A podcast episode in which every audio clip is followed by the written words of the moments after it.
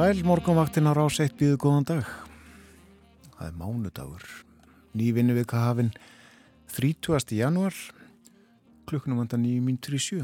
Umsjónamenn þáttar eins Björn Þór Sigbjörnsson og Þórun Elisabeth Bóðadóttir. Það er ágættis veður víðast hvar á landinu sínist okkur. Uh, hægur vindur víða.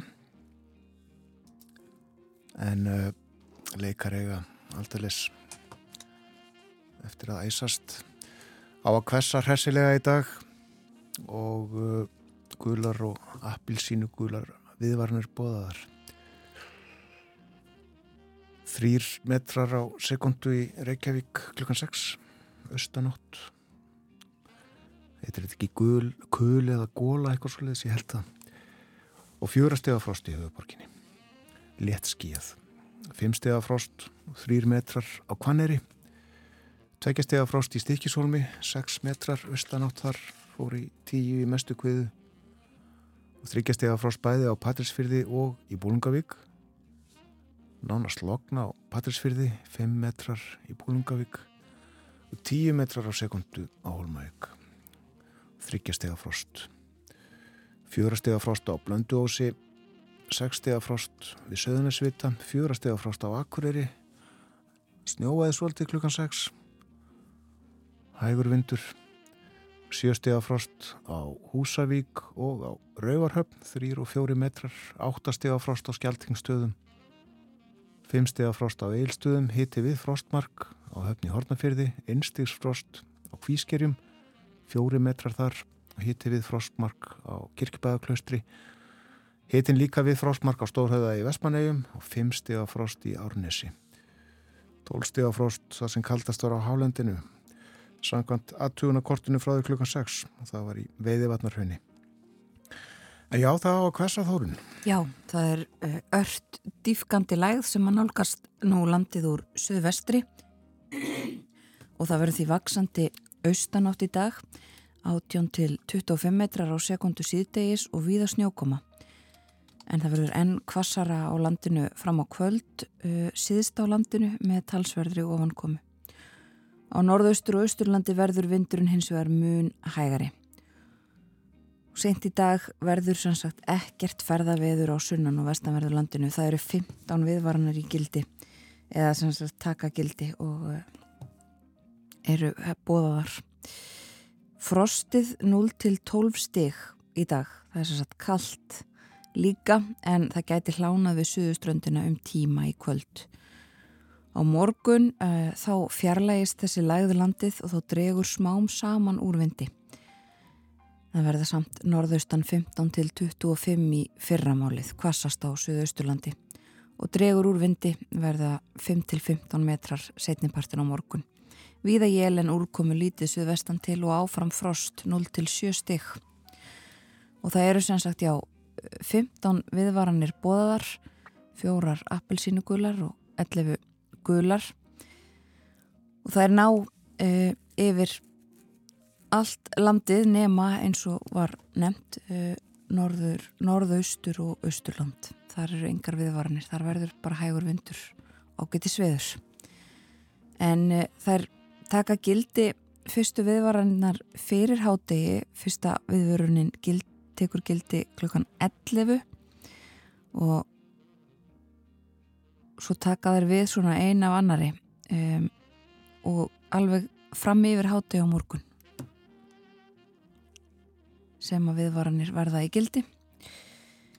Og uh, eins og við sögum þá er ekki ferða veður á þessum slóðum og, og vegagerðin tekur líka uh, tekur það líka fram og segir að það megi gera ráð fyrir því að það komi til lokana vegna veðursins annars er uh, eru alls konar viðvaranir frá vegagerðinni það er uh, hálkublettir, hálkakrapi eða snjóþekja á leiðum víða. Já. En við förum kannski nánar yfir þetta allt saman hér á eftir. Við ætlum að heyra eitt lag. Through early morning fog I see visions of the things to be, the pains that are withheld for me. I realize and I can see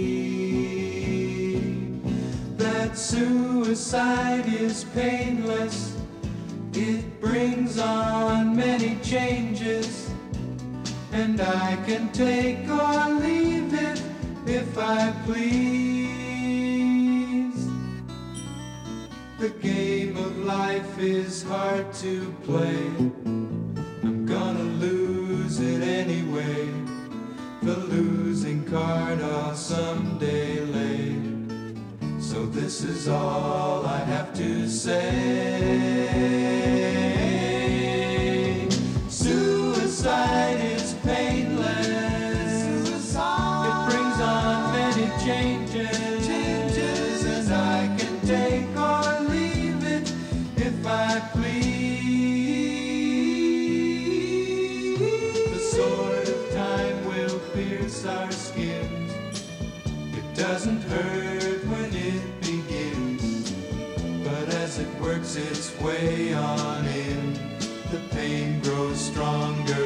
Watch it grin.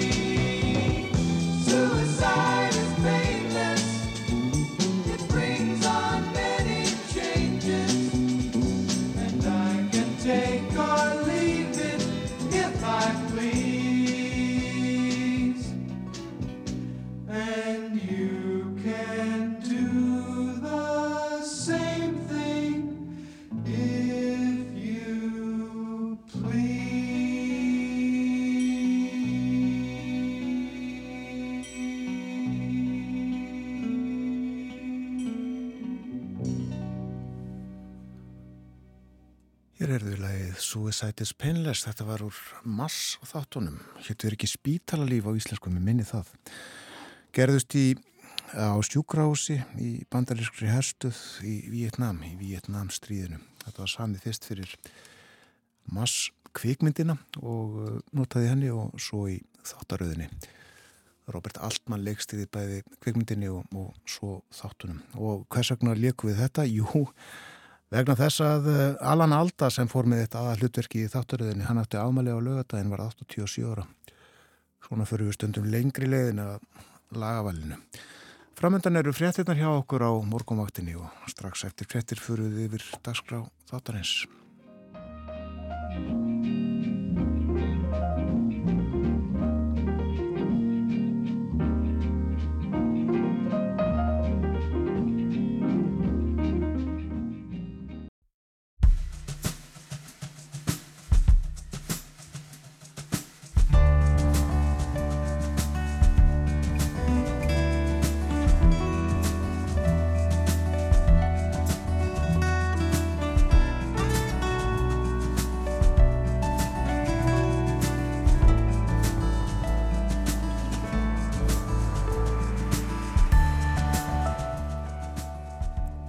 Morgumvaktin helsar og býðu góðan dag. Í dag er mánudagurinn 30. janúar, sá síðasti af fimm mánudögum í janúar. Já. Umsjónamenn þáttarins í dag eru Björn Þór Sigbjörnsson og Þórun Elisabeth Bóadóttir. Við ætlum að fylgja ykkur til klukkan að verða nýju og það er fjölbreytt efni á dagskrá hjá okkur í dag. Já, það er ótt að segja það. Við ætlum að fjalla um Atlasafsbandalæðið, við ætlum að fjalla um snóker, þá eðlu íþrótt og einni lífið í landinu. Og byrjum á að segja frá NATO umfjöllun. það var almennt búist við að aðeldar umsókn svíja og finna gengi greiðlega í gegn en raunin er önnur sökum andstöðu Erdóans Tyrklandsfossetta 29 já mega sín lítils gegn einu negi frá Ankara. Baldur Þóraldsson, professor í stjórnmálfræði, þekkir vel til NATO og Varnar Samstars, hann verður hjá okkur klukkan halv åtta. Og í síðustu viku þá var samþygt nýtt nafn fyrir saminað sveitafélag Stikkishólmsbæjar og Helgafells sveitar. Og nafnið sveitarfélagið Stikkishólmur. Og í Stikkishólmi er nógum að vera eins og Rafnhildur Hallvarsdóttir Fórseti bæjastjórnar og skólamistari fjölbrutarskóla Snæfellinga segir okkur frá eftir morgunfréttinnar klukkan átta. Þá ætlar hún að vera á línunni hjá okkur. Og svo er það snókarinn, við ætlum að fjallum snókar eða réttar að sagt ætlum við að heyra um mikinn áhuga Sverri Skuðjónssonar söngvara á snókar. Hann var í Lundunum á dögunum að fylgjast með keppniðra bestu og uh, hann segir okkur frá því á eftir, hann verður hér hálf nýju og uh, hann ætla líka reyfi upp sögur af billanum á klappastík frá því gamla daga. Einhvern veginn svona verður morgunvaktin í dag.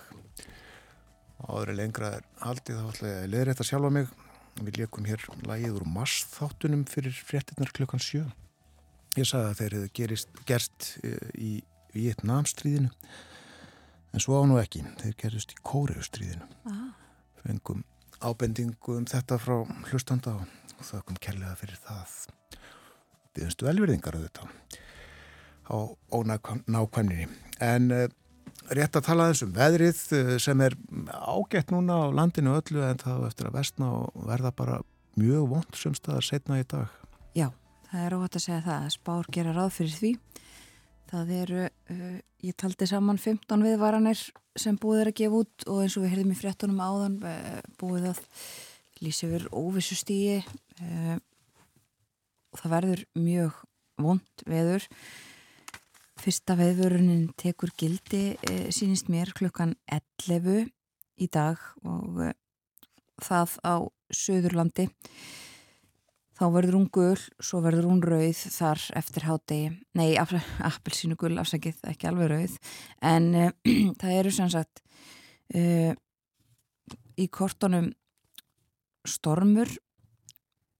Það er sér satt eh, vaksandi austanátt fyrir að snjóa sunnan til og eh, austan, má gera ráð fyrir austan 18 til 25 metrum á sekundu síðdegis en eh, alltaf 28 metrum síðst á landinu fram á kvöld og ennþá hvassara getur orðið í snörpum vindkvið og sem sagt mikið mikið rók, eh, töluvert frost og úrkoma, sagt, snjókoma. Þannig að eh, þetta allt kemur saman og verður til þess að það borgar sig ekki verið á ferðinni ef hægt er að komast hjá því. Það verður eins og verður miklu betra veður á norðaustur og austurlandi, mun hægari vindur og uh, svo fer að hægjast á, uh, á morgun. Það þá fjarlægist þessi landið dregur smám saman úr vindi það verður þó kvast í fyrramálið og eh, dregur úr vindi síðtegis áfram hins vegar frost í kortunum, kallt og uh, það uh, er áfram frost í kortunum uh, sínist mér fram til næstu helgar eða fram á næsta sunnudag. Þá er eh, regning eða slitta í kortunum og, og hlínandi veður. En ekki sérstaklega alveg sömu umleipingar og, og verið hafa síðust við að mestum því tvær vikur en uh, förum aðeins yfir færð á vegum líka. Það er uh, vakin aðtekli á þessum gulu og appelsínu gulu viðvörunum í dag og á morgun. Um, og einmitt já, þessar viðvaranir við að gilda til morguns. Og það má gera ráð fyrir því að það komi til lokana og eh, vegfærandur eru beðnir að kynna sér viðspotnar áður en lagtur af stað. Það eru hálkublettir, hálkakrapi eða snjóþekja á nokkrum leiðum á Suðvesturlandi. og eh, vakin aðtekla á því að það eru ymsir vegir sem verða á óvissu stíi meðal annars eh, Mósvaldsheiði, Þrengslin, Hellisheiði og Kjalarnes og þessir vegir getur lokast með stuttum fyrirvara. Um, sömu leiðis uh, á það við um fróðórheiði, vatnaleið og veginum Hafnarfjall á Vesturlandi, Dinjandisheiði, Þröskuldar, Stengrinsfjörðarheiði og uh, á, á Vestfjörðum eru líka uh, komnir í þetta svona óvissu steg og uh, sömuleiðis á Suðurlandi vegurunum Reynisfjall, Eyjafjall upp í uppsveitum og Lingdalsheiðin þetta er allt saman vegir sem að verða verður fylst náðu með og getur lokast með skamum fyrir ára annars af öðrum frettum á vegum þá eru bara hálka og hálkublettur og snjóþekja víða um land þæfingur sem staðar. Borga sér bara að skoða kortið og tilkynningarnar frá uh, vegagerðinni. En kolniða myrkur úti og uh, verður áfram uh, til nýju tekur að byrta svona öðru kvoru með nýju sumstaðar löst fyrir nýju annar staðar upp úr nýju og framundir hálf tíu en þetta gerist nokkrum mínútum fyrir daginn í gerð og enn fyrir á morgun. Já, og líka setnipartin. Það munar heil miklu um það. Uh, í gerð var Bjart alveg fram til, fram yfir fimm. Ég tók sérstaklega eftir því en það var þetta Bjartur dagur reyndar í höfuborgin. Það hefur sett að segja líka. Já, vissulega. Það fjallaðum mál uh, ríkis sáttasemir á fórsíðu morgunblassins, miðlunar tiluguna sem uh, hefur verið mál-máluna síðan að uh, hún var bóðuð fyrir helgi. Og uh, bæði talsmenn eblingar og fleiri verkefliðsfélaga telja að þetta sé ekki í samræmi við lög að leggja hana fram eins og gert hefur verið. Og málið er borið undir Ásmund Stefánsson, hann er fyrirverandi fórseti alltíðsamátsins og fyrirverandi ríkisáttasemri og hann skilur ekkert í þessum yfirlýsingum hvers verkalýðsfélagsins á fætur öru eins og segir hér. Þar sem að efast er um lögumæti þess að sátta sem er í leggi fram miðluna til hug hann segir heimildina til þess óumdeilda og einungis ráðast af mati sátta sem er á stöðu viðræðina auk þess segir hann ekki aðeins heimildina skýra heldur síður rík fordæmi fyrir beitingu hennar og uh, nefnir að 30 miðluna tilugur hafi verið laðað fram á síðustu 40 árum og þaraf hafið um þriðjungur verið feldur og fjallaðum þetta sem sagt að fórstíðu morgunblæðsins í dag og inn í blæðinu líka. Og uh, fleira uh, minnst 50% samdráttur á sölu á bókum í kiljuformi hrun í sölu á kiljum á COVID-tímanum hefur ekki gengið tilbaka, segir hér og rætt við Egil Örn Jóhansson, hann er frangatastjóri forlagsins. Hann segir fyrir 7-10 árum var ekki óalgengt að vinsælustu kiljur hvers ás seldust í 10.000 eintökum eða meira. Nú breyður svo við að með sínist að mest seldu kiljur undanfærna ára nái varðla 3-4.000 seldum eintökum. Og það er líka rætt við Jakob F. Áskisson, bókáðgefanda í Uglu, en uh, Ugla gefur út margar kiljur hefur gert. Og hann segir kiljusalun hefur dreyist mjög mikið saman. Það má alveg tala um að minnstakosti 50% samdrátt ef ekki meira. Og uh, þetta nefndiði mitt Heiðar Ingi Svansson formaður félags íslenskra bóka útgefanda sem var í viðtali hér hjá okkur í síðustu viku.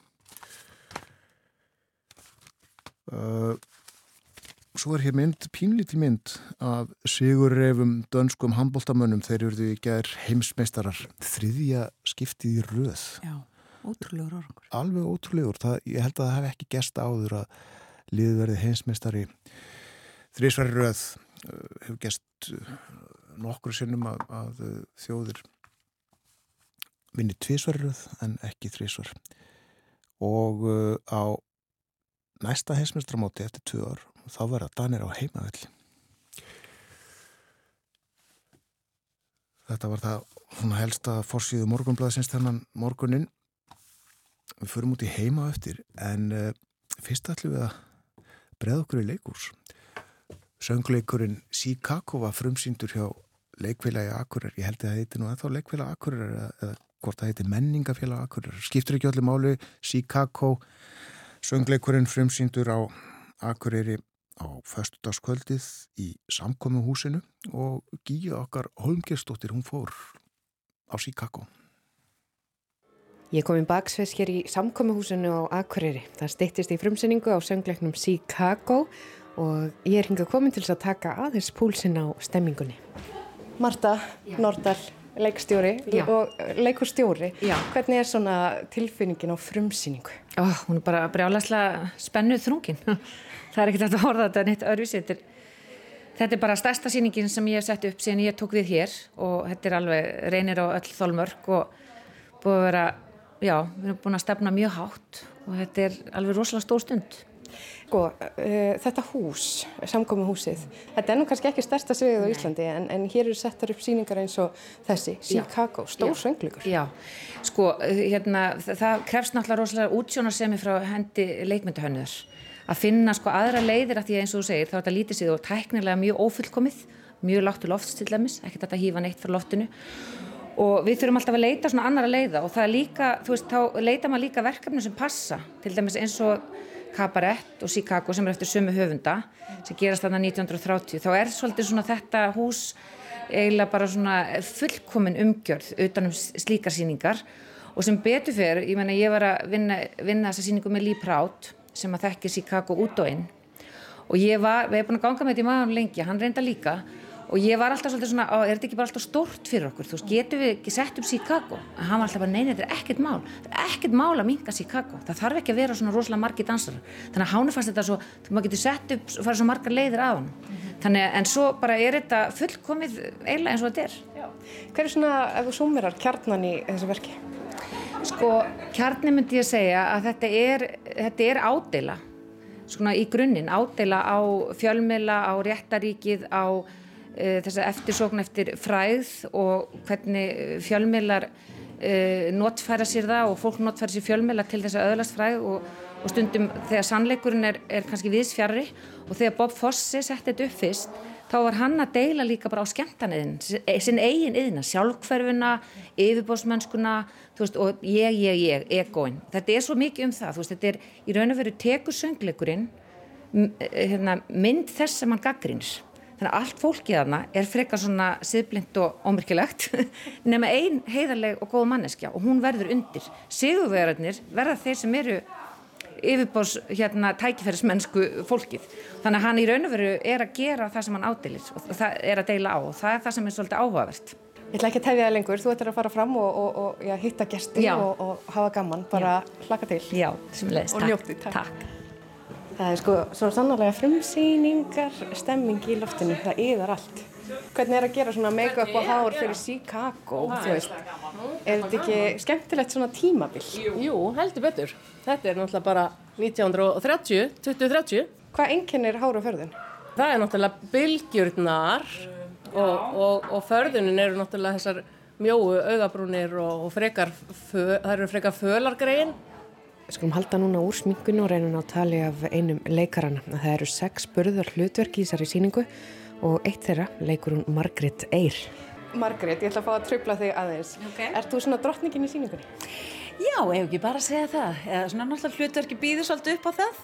Hún er fangilsistjórin og það er engin ofar henni í rauninni. Hún ræður öllu þarna. Hvernig er að syngja þessi lög og þessi tónlist? Ó, vá, það er alveg magnað. Líka bara, þú veist, þegar maður ég er búin að vera núna lengi bara að syngja í poppinu og svona, langt síðan ég verið í leikursum síðast og ég bara, ég elska þetta. Það er bara svo gaman að vera inn í þessu húsi og bara inn í svona sögu og maður er partur að því að svona framfleyta sögunni og gera hana skemmtilegri og kræsandi og spennandi og hættulega. Hvernig er stemmingin hjá þér fyrir frumsýningu? Ég get ekki beðið. Ég er búin að vera bara, já, já, hvað ég gera núna, hvað ég gera núna. Svo bara kemur þetta hægt og rólega, maður fær make-upið, hárið og típan er að vera til. Mhm. Anita Rós Þorsteinsdóttir. At Tamimi Hvað eru margir dansarar í síningunni? Herðu, við erum fimm. Fimm stelpur, tveir strákar. Og hvernig gengur að dansa á svona uh, stóru litlu sviði?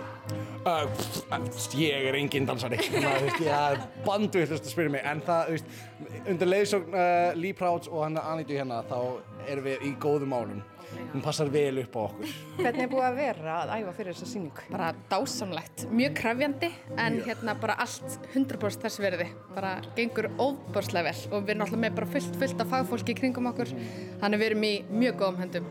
Sýningastjóra á svona síningu, Hva, hvað eru þið að hugsa núna? Hvað erum við að hugsa? Við erum, við erum aðalega að hugsa bara, erum við ekki alveg öruglega búin að gera allt og fara yfir allt þrísvar og svo erum við bara að hugsa, glemdi ég einhverju? Ég held að þessi málið sem við erum að hugsa aðalega. Gangi ykkur vel. Takk kærlega fyrir.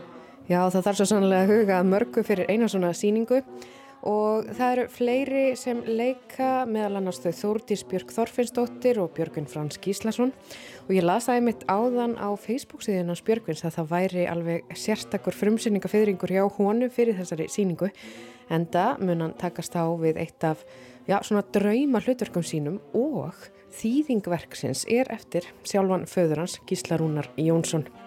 En svona að lokum þá skulum við hitta á hana Jóhannu Guðrúnu sem eru þetta þekktust fyrir söngin en hún ætlar núna að stíga svið í fyrsta skipti sem leikona. Jóhanna, má ég tröflaði aðeins? Já, ekki málið. Takk í bæinn. Takk fyrir. Við erum komin hérna inn í búnisherbyggið þitt. Hvernig er svo tilfinningin að vera að fara á svið sem leikona? Eh, Það er ótrúlega skrítin tilfinning. Ég er náttúrulega er ekki laust við um að maður sé svona smá stressaður um, og ég er yfirleitt aldrei stressu. En auðvitað náttúrulega er ég búin að vera í þessum uh, performance bransa í alveg hundra ár en, en þetta er náttúrulega aðeins annað. Þannig að hérna, en er mikið tækifæri og, og, og ótrúlega spennandi. Hverju hafa svona helstu áskoranir verið fyrir þig bara persónulega að takast á við þetta? Mm, leiknusinnunar. Söngurinn og dansinn hef ég oft gert og það er ekkert mál. En, en leiknusinnunar er eitthvað sem ég hef aldrei gert aður.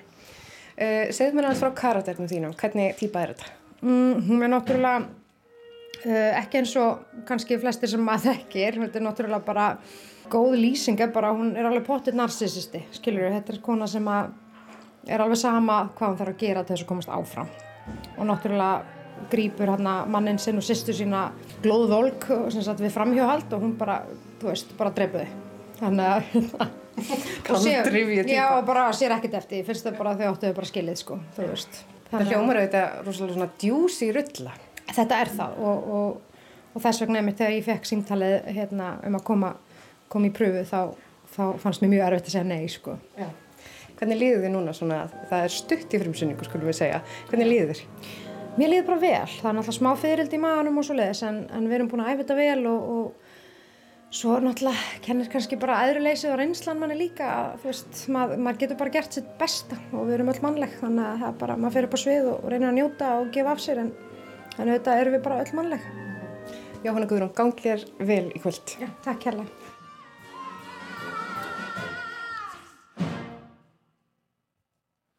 Líf og fjör í samkómuhúsinu á Akureyri á fastudaginn Chicago frumsynd ég sá myndina sem að koma út fyrir hvað er ekki 20, 20 ára eitthvað svo leiðis, ég held að Katrín Setta Jones René Selveger og Richard Gere þarna í aða hlutverkum Mitt. en í þeirra hlutverkum í þessari uppfæslu Jóhanna Guðrún Þórdís Björg Þorfinnsdóttir og já, líklega Björgun Frans Gíslason ég átta mig ekki alveg á, á hlutverkunum þarna. En sínt sem sagt í samkómuhúsinu á Akureyri því glæsilega húsi það var reist uh, rétt upp úr aldamótunum 1900 templarar, góðtemplarar sem að byggðu. Ég held að það hafi tekið bara hálft ár að reysa þetta glæsilega hús. Já. það tekur aðeins lengri tíma að byggja hús í dag. Það gerir það. þó þau séu miklu minni og ekki nærði eins glæsileg en svona er þetta. Svona er þetta. og fjölmarkar síningar á Chicago fyrirhugaðar næstu daga og vikur. Já, uh, heilmargar sáðu ég á vef menningafélags Akureyrar. En við ætlum uh, aðeins að líti út í heim. Höldum því nú svo áfram eftir frétta yfir litið uh, klokkan halv åtta þegar að Baldur Þóraldsson, professor í stjórnmálafræði verið með okkur. Þá ætlum við að ræða Allandshafsbandalægið og málefni þess sem að tengist auðvitað þessum stóru erlendu fréttum uh, sem við segjum nánast hér á hverju mótni. En um, aðeins að öðru um, Antoni Blinkan þrjá bandaríkjana hann er komin til Egiptalands uh, hann verður í þrjá daga í miðausturlöndum og uh, ætla sér að reyna að hafa einhver áhrif á, á spennustíð uh, millir Ísraelsmanna og Palestínumanna þar hefur uh, blossað upp blossað upp uh, ofbeldi þar sem hefur 20 hafa látist. Það ást með áhlaupi Ísraelska hersins á Vestubakkanum í síðustu viku uh, þar sem að tíu voru drefin og palestinsku byssumæður skaut svo sjö manns til bana fyrir utan bænahús í austur Jérúsalem á, á förstu dag og í gær lest palestinskur maður sem var skotin til bana. Og uh, þetta hafa verið uh, yfir 20 tilvik held ég að ég hef lesið. En uh, Antoni Blinkan fer til Jérúsalem í dag og ætlar að hitta Benjamin Netanyahu, fórsettisráþara Ísraels og svo fer hann til Ramallah á morgun og ræðir við uh, Mahmoud Abbas leðtóa Palestínu. Og uh, þetta var áður ákveðin heimsókn. Um, en hann er búist til því og hann muni reyna hvetja til eh, friðar eða samsagt eh, þess að, að eh, ofbeldinu linni í byli það þurfum við að uh, tryggja það uh, og ekki miklar væntingar um að, að það sé hægt að gera það til lengri tíma í þessari heimsókn. En uh, blinkan sannsagt komin til miðausturlanda og ætlar að vera þar næstu þrjá daga. Og aðeins af fréttum frá Úkrænu við heyrðum það í fréttunum áðan að Boris Jónsson fyrirverandi fórsettis á þeirra Breitlands er að tjá sig um samskipti við Vladimir Putin Rúslandsfórsetta eitthvað sem hann segir hafa gerst rétt áður en að rússar riðust inn í Úkrænu í februar og síðast ári. Hann hafi átt þarna ótrúlegt samtal við Putin þar sem að hann hafi verið hótað eldflöga árás. Um, en núna uh, í dag eða gær þá segir Volodymyr Selenski Úkrænum fórseti að uh, það verði að taka af skarið með það og banna uh, rúsneskum íþróttamennum að keppa á olimpíuleikunum árið 2024 á næsta ári. Olimpíuleikar í París á næsta ári. Og hann vil að bæði íþróttamenn frá Rúslandi og Belarus verði bannaðir. Um, annars verði þau skilabóð gefina að, að ofbeldi og uh, hriðjuverk séu í lægi sagðan í, í ávarpi sínu í gerðkvöldi þessu daglega ávarpi sem er alltaf uh, sínt uh, vídeoávörp sem hann sem hann gefur á hverju einasta degi, hverju einasta kvöldi. Og uh, það hefur verið að skoða þessi mál hjá uh, Alþjóða Olimpíu sambandinu búið að velta því svona upp að íþróttamenn frá þessum löndum geti einhvern veginn keft sem hlutlausir íþróttamenn. Það líst Selenski ekki á. En uh, meira sem fyrir segir af erlendum fréttum hér á eftir Baldur Þórhalsson, professor í stjórnmálafræði við Háskóla Íslands er að koma sér fyrir hérna hjá okkur við ætlum að ræða við hann um Allandsafsbandalæð og Tyrkland, Svíþjóð og Finnland.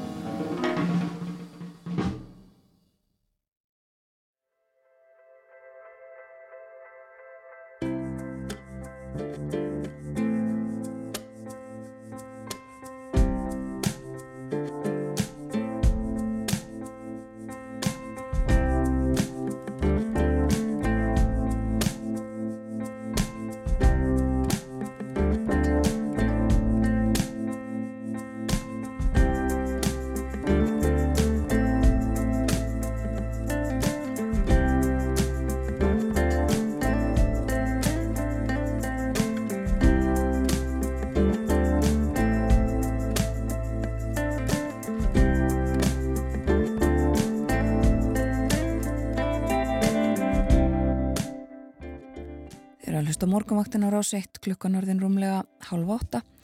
Þennan mánudags morgun við myndist á það áðan að uh, þetta er síðasti mánudagurinn í januar svo 50 uh, og mánuðamót um miðja viku. Og uh, janúar kveður með viðvörunum, það eru einar 15 viðvaranir sem að gefnar hafa verið út veður viðvaranir. Það er um nánast allt land eh, þrjá fjörðu kannski, eh, ekki á Norðurlandi eistra og ekki á Östfjörðum og Östurlandi. Þar verður bara allt í lægi veður næstu daga en mjög kvast annar staðar kvassviðri eða stormur eh, gular og svo appelsínu gular og svo aftur gular viðvaranir viða eh, getur orðið mjög kvast eh, 28 metrar á sekundu síðast á landinu og enn meira í kviðum. Og það er líka frost og talsverð ofankoma, sem sagt snjókoma í kortunum. Ekkert ferðaveður, borgar sig að skoða þau mál vel ef að fólk þarf að vera á ferðinni. En það dregur úr vindi á morgun, sumstað er ekki fyrir setnipartin.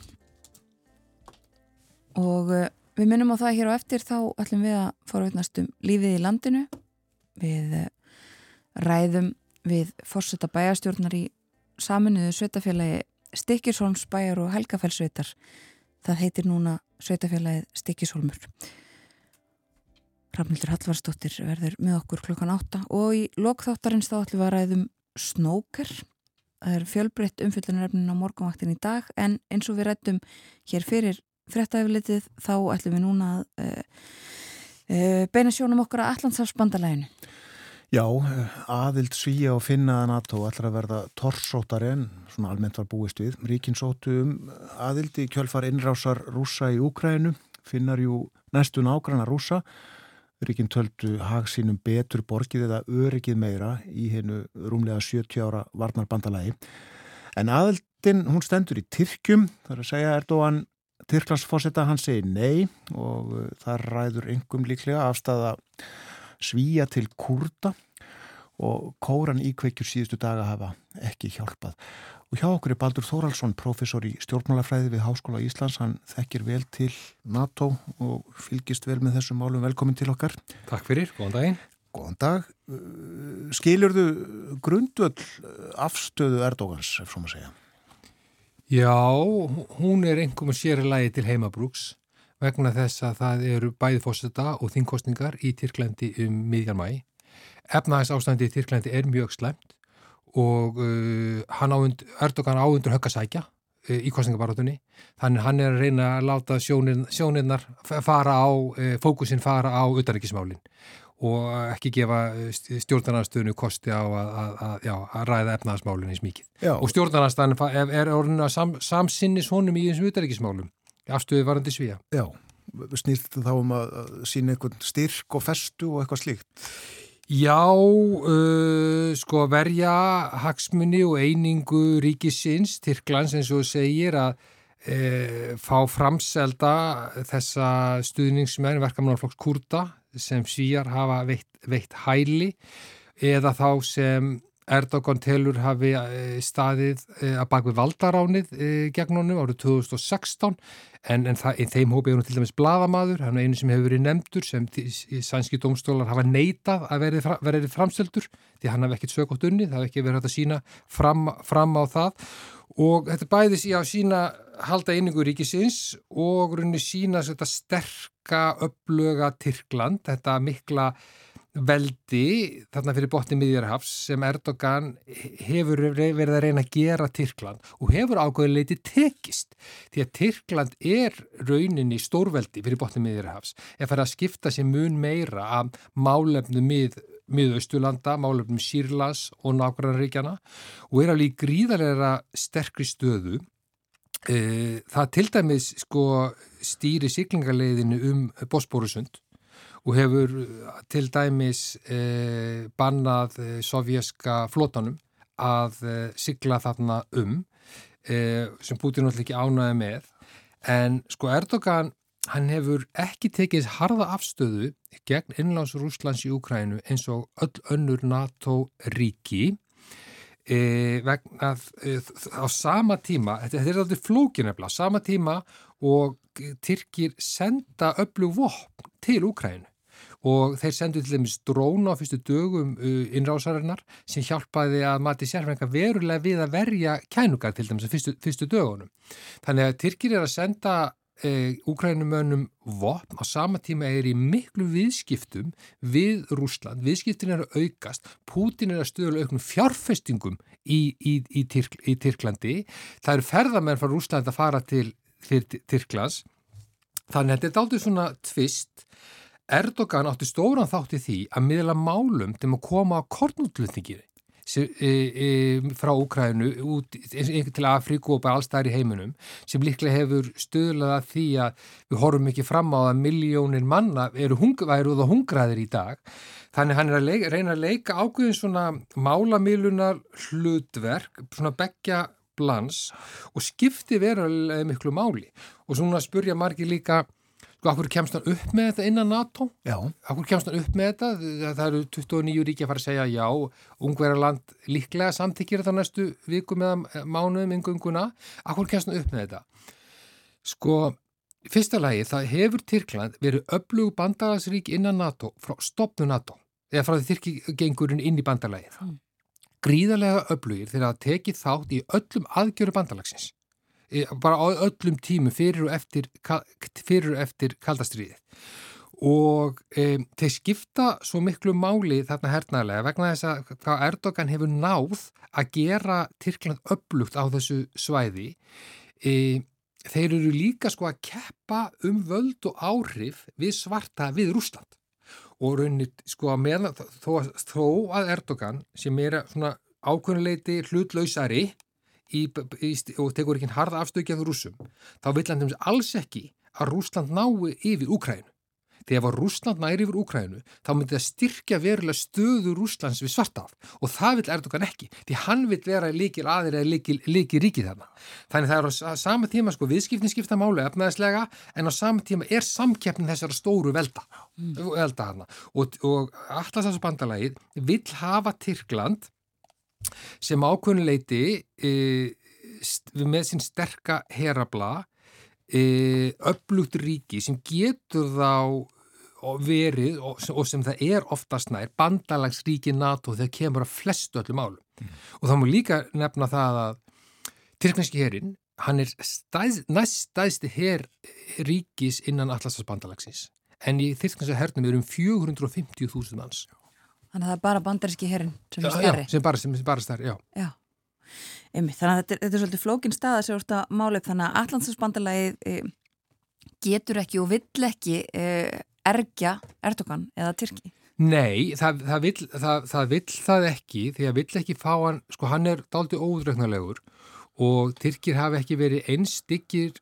svona dikt bandalagsríki innan NATO eins og áður undir fórustu hans mm. því hann er, hann er mjög harð snúin samningamadur hikar ekki við að beita bólabröðum til að ná sínu fram og hann hefur svona hann hefur ákveðuleiti svona bæði svona hreðjartak á Rúslandi var þetta að stjó, stýra bórusbúsundi siglinganlegin inn í Svartahaf mm. en líka á þessu erfiðu flottamannavandamálum í Evrópu sko hann hefur marg hótað Európa-sambandun og ríkjunum þess að hann bara mun opna rauninni bara landamærin og leifa bara miljónum manna sem eru í Tyrklandi sem vilja komast yfir til Evrópu og fara yfir til Gríklas, sigla það nefnir á gúmibátum. Ef Erdogan sko mingar lauruglu eftirleitið á hafnarsvæðunum í Tyrklandi þá munum við sjá bara hundruð þúsunda manna sigla yfir til Gríklas og þetta hræðjartak sem hann hefur á þessu ríkjum setur þau þetta erfiða stöðu að þau get ekki bara sko sest niður og sagt við hann nú verður þú að skrifa undir og samþykja aðild e, svíþjóðar að bandalæginu það, mm. það, geng, það gengur nefnilega ekki upp Nei.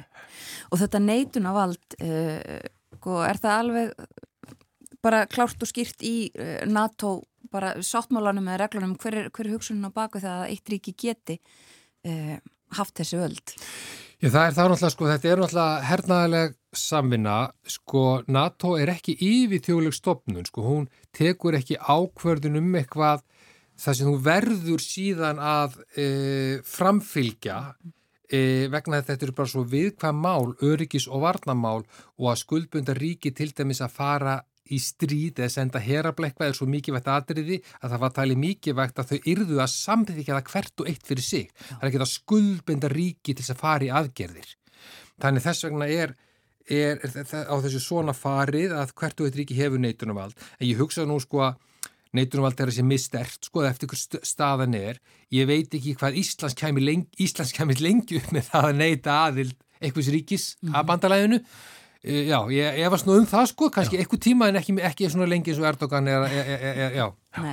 En í þessu máli mitt uh, fórsetin all, alltaf nefndur en uh, þú vilt meina að það sé sátt um það uh, í Tyrklandi, Tyrknarskum stjórnmálum allavega að svona skuli staðamálum. Já, sko stjórnarnarstaðan sem er mun hlindar í samt vesturinu heldur en Erdogan e, þó er það kannski ekki endilega ekkert á móti vestrinu, e, ekki líta, mjög ekki líta á þannig, þá leggur hún ekki í annað en að taka þessu afstöðu bara til að leifa honum ekki að vinna kostingarnar á, á þessu að, að benda á þess að hann, hann segir sér Íslamafóbia í, í Evró, Evrópu og anstöðu við hags, hagsmunni, hagsmunni Tyrklas. Hún vill ekki leifa það. En það býr kannski líka meira að baki E, Baku tjöldin halda menna Erdogan e, sé að beita bandaríkjumenn verulegu þrýstingi því hann vil fá F-16 orustutótur frá bandaríkjunum sem þeir hef ekki viljað láta hann hafa. Því þeim finnst e, Tyrklandundu fórust hans ekki alveg nógu tryggt bandalagsríki þegar þeir hef ekki viljað láta hann hafa þessar e, öflugu orustutótur en ég er svona, velti fyrir sér e, svona með höstmánuðum hvort sem Erdogan vinnur uh, kostningar eða ekki. Hvort að þetta leysist með því að bandaríkjaman selju nú nokkur óra stuðþóttur. Mm. Örstuðt um uh, þá staðrind að Tyrklandi er í allarsvarsbandalæginu. Uh, ríkið ekki meðal Stobrikjana 49, Gekkin 52. Uh, mm. uh, talsverð vegalend frá Tyrklandi að uh, öðrum aðaldaríkjum þá hvernig stóð því á sín tíma að Tyrkland varð aðli að allarsvarsbandaleginu?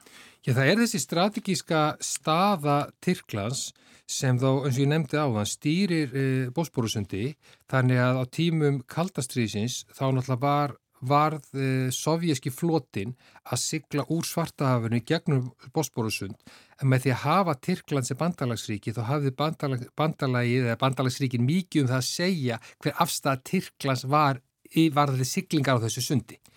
Þannig að þetta er svona, er svona staðsta ástafan fyrir þessu og að hafa þarna stórt herrveldi fyrir bótti miðjarhafs sem værið á klárlegt bandalagsríki.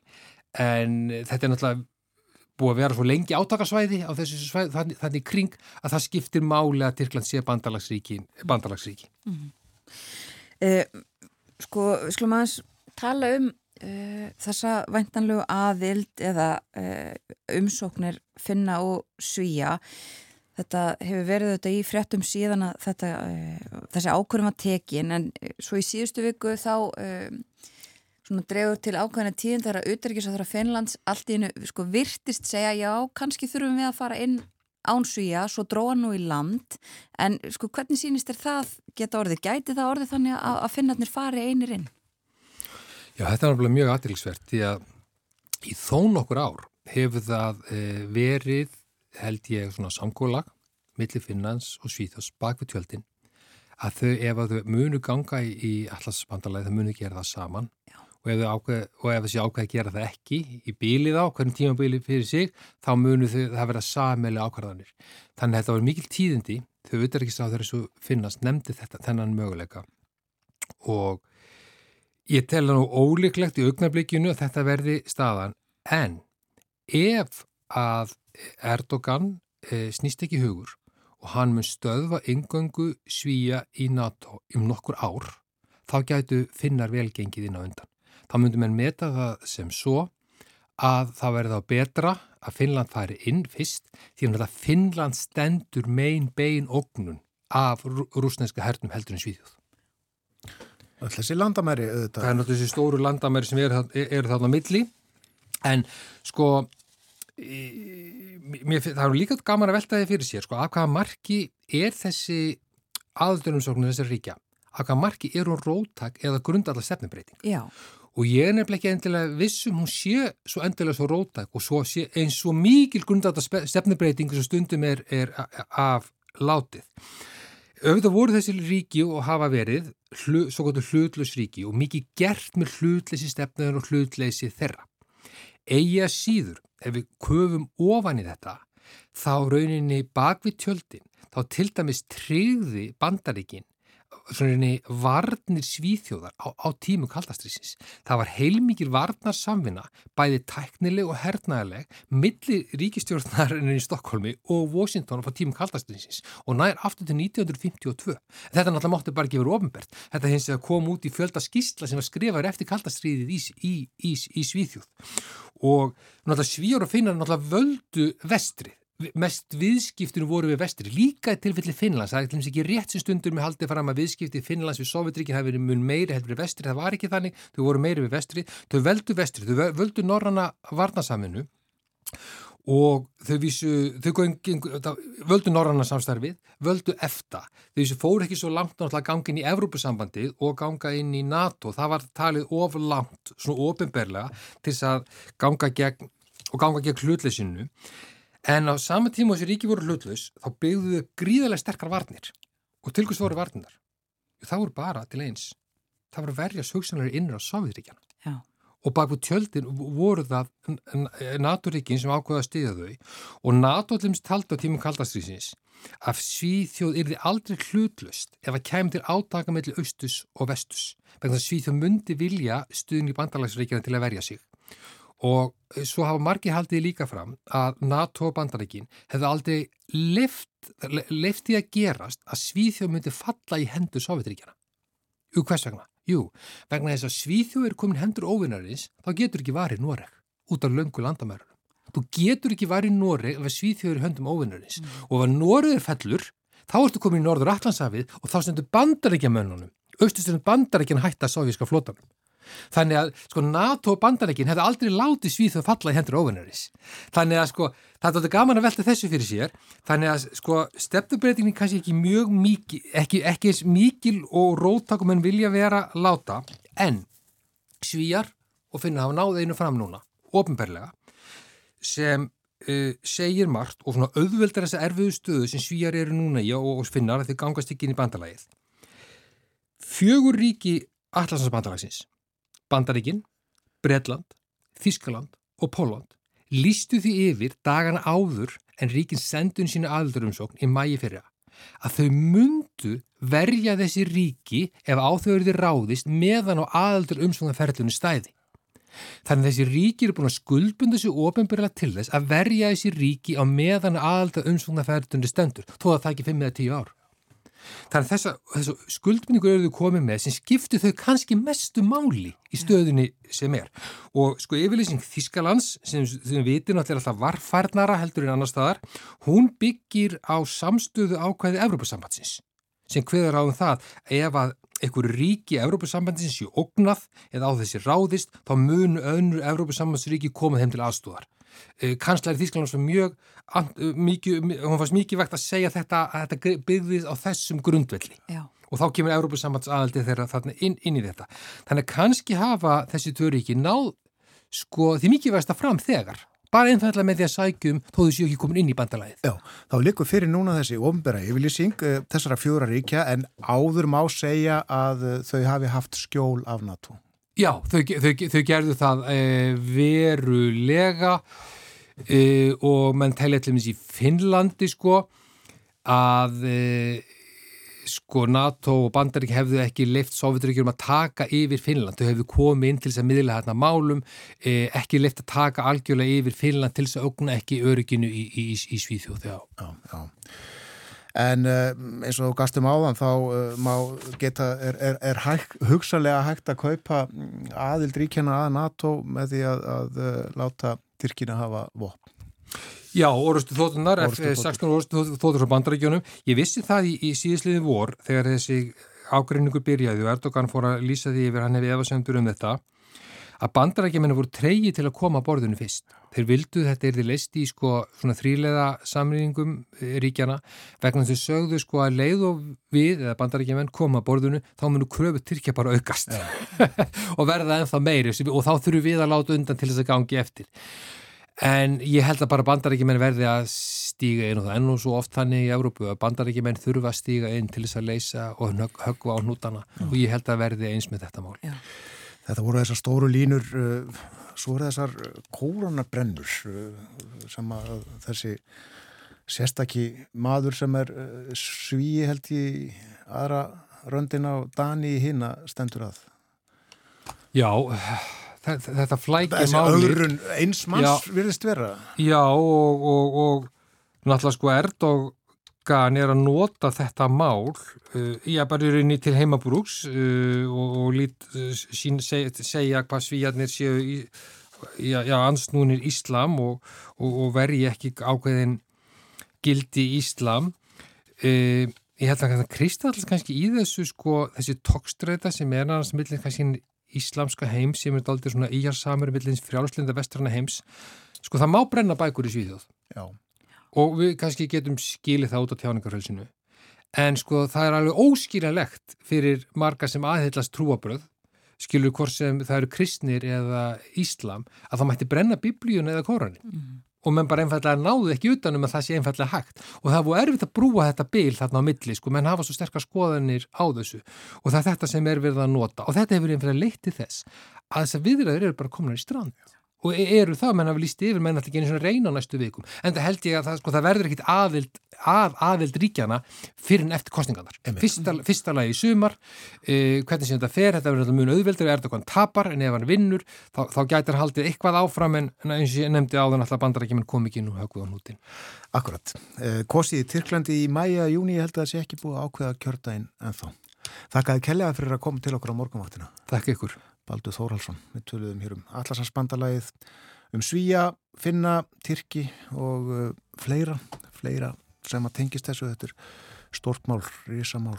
Já, og Baldur uh, á því að það, já, kannski þá verði bara ekkert að frétta fyrir en að búið verður að kjósa í Tyrklandi sem verður í mæða jóni eins og við gátum um. Það líður að fréttum, morgun fréttinnar koma frá fréttastofuna á slæðuna 8 og uh, fyrst nokkrar auglýsingar.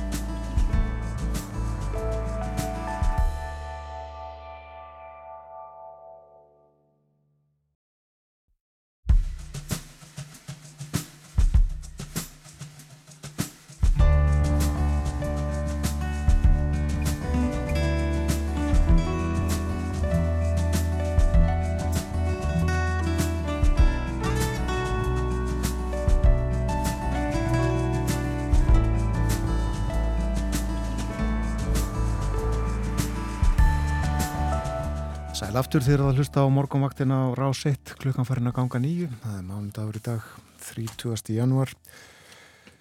Næst síðasti dagur þessa mánuðar. Og, við Og- ætlum að fjalla um uh, nýjasta sveitafélagi í landinu. Það var til við sveitastjórnarkostningarnar á síðasta ári og uh, hlautlóksins nýtt nafn. Já, tilkynntum uh, nýtt nafn í síðustu viku. Þetta er uh, sveitafélagið Stikkisólmur og í símanum er uh, fórseti bæjastjórnar Rafnhildur Hallarsdóttir, hún er líka skólamestari í fjölbrötuskóla Snæfellinga. Góðan dag. Góðan daginn. Við viljum að byrja á, Rafnildur, að beða um að segja okkur aðeins frá, uh, já eins og Björn Þór gatt um þá þetta var þetta sveitafélag til formlega við, uh, í fyrra en nú er komið nýtt nafn. Um, segja okkur aðeins frá þessu, uh, þessu ferli, hvernig, hvernig niðurstaðan varð uh, þetta nafn sveitafélagið Stikisholmur? Um, það var farið í, í hérna, íbúar gáttu komið með tillögur af rafni á vefnum bara og það bárust 73 tillögur á rafni og hérna og völdum við úr því. Sult var ekki nóttækt og önnu voru góðnað og svo gengur gerist. Já, já. og við völdum aftanöfn sem að það bæðastjórn og við völdum aftanöfn sem voru senda til örnöfnumvendar til umsöknar og þar valdi hún nokkur nöfn sem hún malti með og annir sem hún laðist gegn. Og, og við hérna svo bóðum við til íbúfundar uh, í þessi völd, 22 eða flottur íbúfundur og góður um það um nöfnið og, og hérna og svo eftir það ágöðum við á, á fundabæðistum, sjönda að við vildum nota tvö nöfn af þessum átta þá voru við komin í sveitafélag stíkjum eða stíkjum bær. Já. Og svo ákvaðu þetta í síðustu viku var, Já, Já. á fundi síðustu viku. Þá var, þá var, þá var kosum og, og meðlutin haldist sveitafélag stíkjum. Já og svona hvað hva var helst sko þar að baki hvað hérna, af hverju það til dæmis að því ég veit að þú þú varst þetta hluta því að velja þetta hvað svona fannst ykkur betra við þetta nafn? Heldur Sigsum Fær? Já Ég sko, þegar var að velja millir þess að tvekja þarna, þá var uh, Sigsum Fær höfða svolítið til þessi bær stjættbíli E, okkur var sveitar félagi Siglunur, þá væri verið að höfða til sest, annars er Siglunarbæjar og svo sveitar félagi sem er í kring. Emmett. Greið bílisins, við erum að núna saman um sveitarfélag og ekki bara, bara Siglunarbæjar. Akkurat, þannig að það tækir svona það betur utanum þetta. Já, það var það okkur fannst og, hérna, og við vildum heldur ekki gera mikla breytingar á nafninu, við, við teljum það að þetta verður nafn sem verður ekkit lengi við við horfum til fekari saminninga Já. það er bara stefnan. Við, við reiknum með því við saminust meira heldur en helgaðarsveit og hérna því að þeirra stærri sveitafélum þeim er betra að halda auðvitað með verkefni sem sveitafélum hafa þannig að við vildum ekki þess að við verum með einhverja nýjungur nafn, við vildum halda okkur við eitthvað sem er fólk þekkti. Já. og stikkið sömur er vissulega þekkt þannig að sveitafélum þekktum það og, og það var sko hugmyndir um, um eins og breiða að vera bæri eða breiða að vera byggð eða eitthvað sem okkur fannst ekki komið til greina því það, það hefða til með því starra sveitafélag eða samfélagsöldur bara hér. Já. En þetta þetta að þessi tvö voru orðin svona bara eftir þegar búið að sko allir sem sýtti í það var komið upp á og hérna, þetta var niðurstaðan. Já. Uh, segðu mér þá því næst og okkur uh, frá þessum frekari, sveit, uh, frekari samaningum er, er, er okkur að viðraður hafnar um frekari samanningar eða hvað hva sjáu þið fyrir ykkur? Það er enga viðraður gangi svo er. Nei. en hérna á síðast ári þá hittum fórum við inn í Dalabygð og hittum fólk þar og, og þau hefum svo okkur þar þegar þá hittum við mjög elgaðsveit og og hérna svo hýttust við sveitafélina á mísinu bara þá bara vera viðra þetta voru ekki fornað við það, þetta var bara svo samtal sko. og, og það vita það allir að, að lítið sveitafélina eiga að byrja að halda utanum öll þau geysilu verkefni sem að, sem að hérna eru fyrir, sem eru á porðið sveitafélag Já, sveitafélaginu þetta, já, og það hefur mikið verið umræðinu svo sem uh, þessi stóru verkefni og máluflokkar sem að sveitafélagin bera ábyrð á. Mm -hmm. Já, já það er komið fram. Já. Og það er við tjárumslega þetta er lítið sveitafélag og, og, hérna, og, og já, þessi, það er alltaf, það er alltaf betra að vera saman en það er svona stóru verkefni. Það er ekki allir, það er ekki öll sveitafélög uh, á sama máli um það þó, en er svona uh, jákvæðni gagvart þessu hjá mörgum þessar sveitafélaga þarna uh, í nágrinni við ykkur? Já, svo er það hver vil saman með saman hverjum, ég get ekki svarað því. Það var, var þetta í kostningum á síðast árið saminning eiga miklarsæts og svæðisbær, það var felt. Akkurat. Hvað sem ástama fyrir því þannilega en hérna við erum alltaf að vinna mjög mikið saman. Alveg svo Stíkjarsbær og Helgarsveit fóru að vinna mjög mikið saman og oftu óskaplega mikið samanlegt þá eru sveitafyrir á nesinu að vinna mjög mikið saman. Við erum til þetta saman fyrir skólaþjóðstu búin að geta mörg ár. Yeah. og, og fram fjölbarnarskólinn í, í Grundaður var náttúrulega samanlegt verkefni þessar sveitafyrir á nesinu. Já, akkurat Þannig að sam, samvinnan er mikil og, og góð. Já. Og þá hefur vantanlega þá gengið vel að, að samina e, Stikisólnsbæ og, og Helgafellsveit sem að, e, tók gildi í fyrra. Það var pingvöldi fórumsatri. Já. Þú voru búin að vera mjög saman með yngi, reykandi saman skóla. Já, akkurat. E, í Helgafellsveit, komið hingað á Dalaheimili og skilur þetta bara, já þetta var bara svolítið svona spurningum að fá nýja kennutölu á eitt sveitafélag þannig líti ég á nafni þetta er nýtt, þetta er nýtt nafn og nýjni kennutölu Helgarsveit verður það til. Já. Og stikirumur og stikirumur, einmitt. Og það breytist ekki heldur þó að fle fleiri samanningar bætist við síðan mér. Nei, nei, ekki tvekar Ólasvíkar er það til þó að hún sé það spæ Nákvæmlega. Eh, hvað, hvað, Hver er íbúafjöldin í þessu saminniða sveitafélagi? Held að nýjastu tölur síðu 12.11 Já. Og, Þannig að þeir eru alltaf að það er alltaf að bæta því þannig að það getur alveg að hækka að því að það er gera. Hérna, það, okkur fjölgar og unga fólki okkur að flytja heim og, og fæða störnum og þannig að það er bara skemmtilegt. Einmitt, þá eru við einmitt komnar að því sem ég ætlaði að spyrja það næst sem eru svona verkefnin og, og stemningin e, í sveitafélaginu þannig að það er, er hugur í fólki eins og þú segir, unga fólki að flytja heim og, og fjölgun í kortunum. Mm. Já, já, já.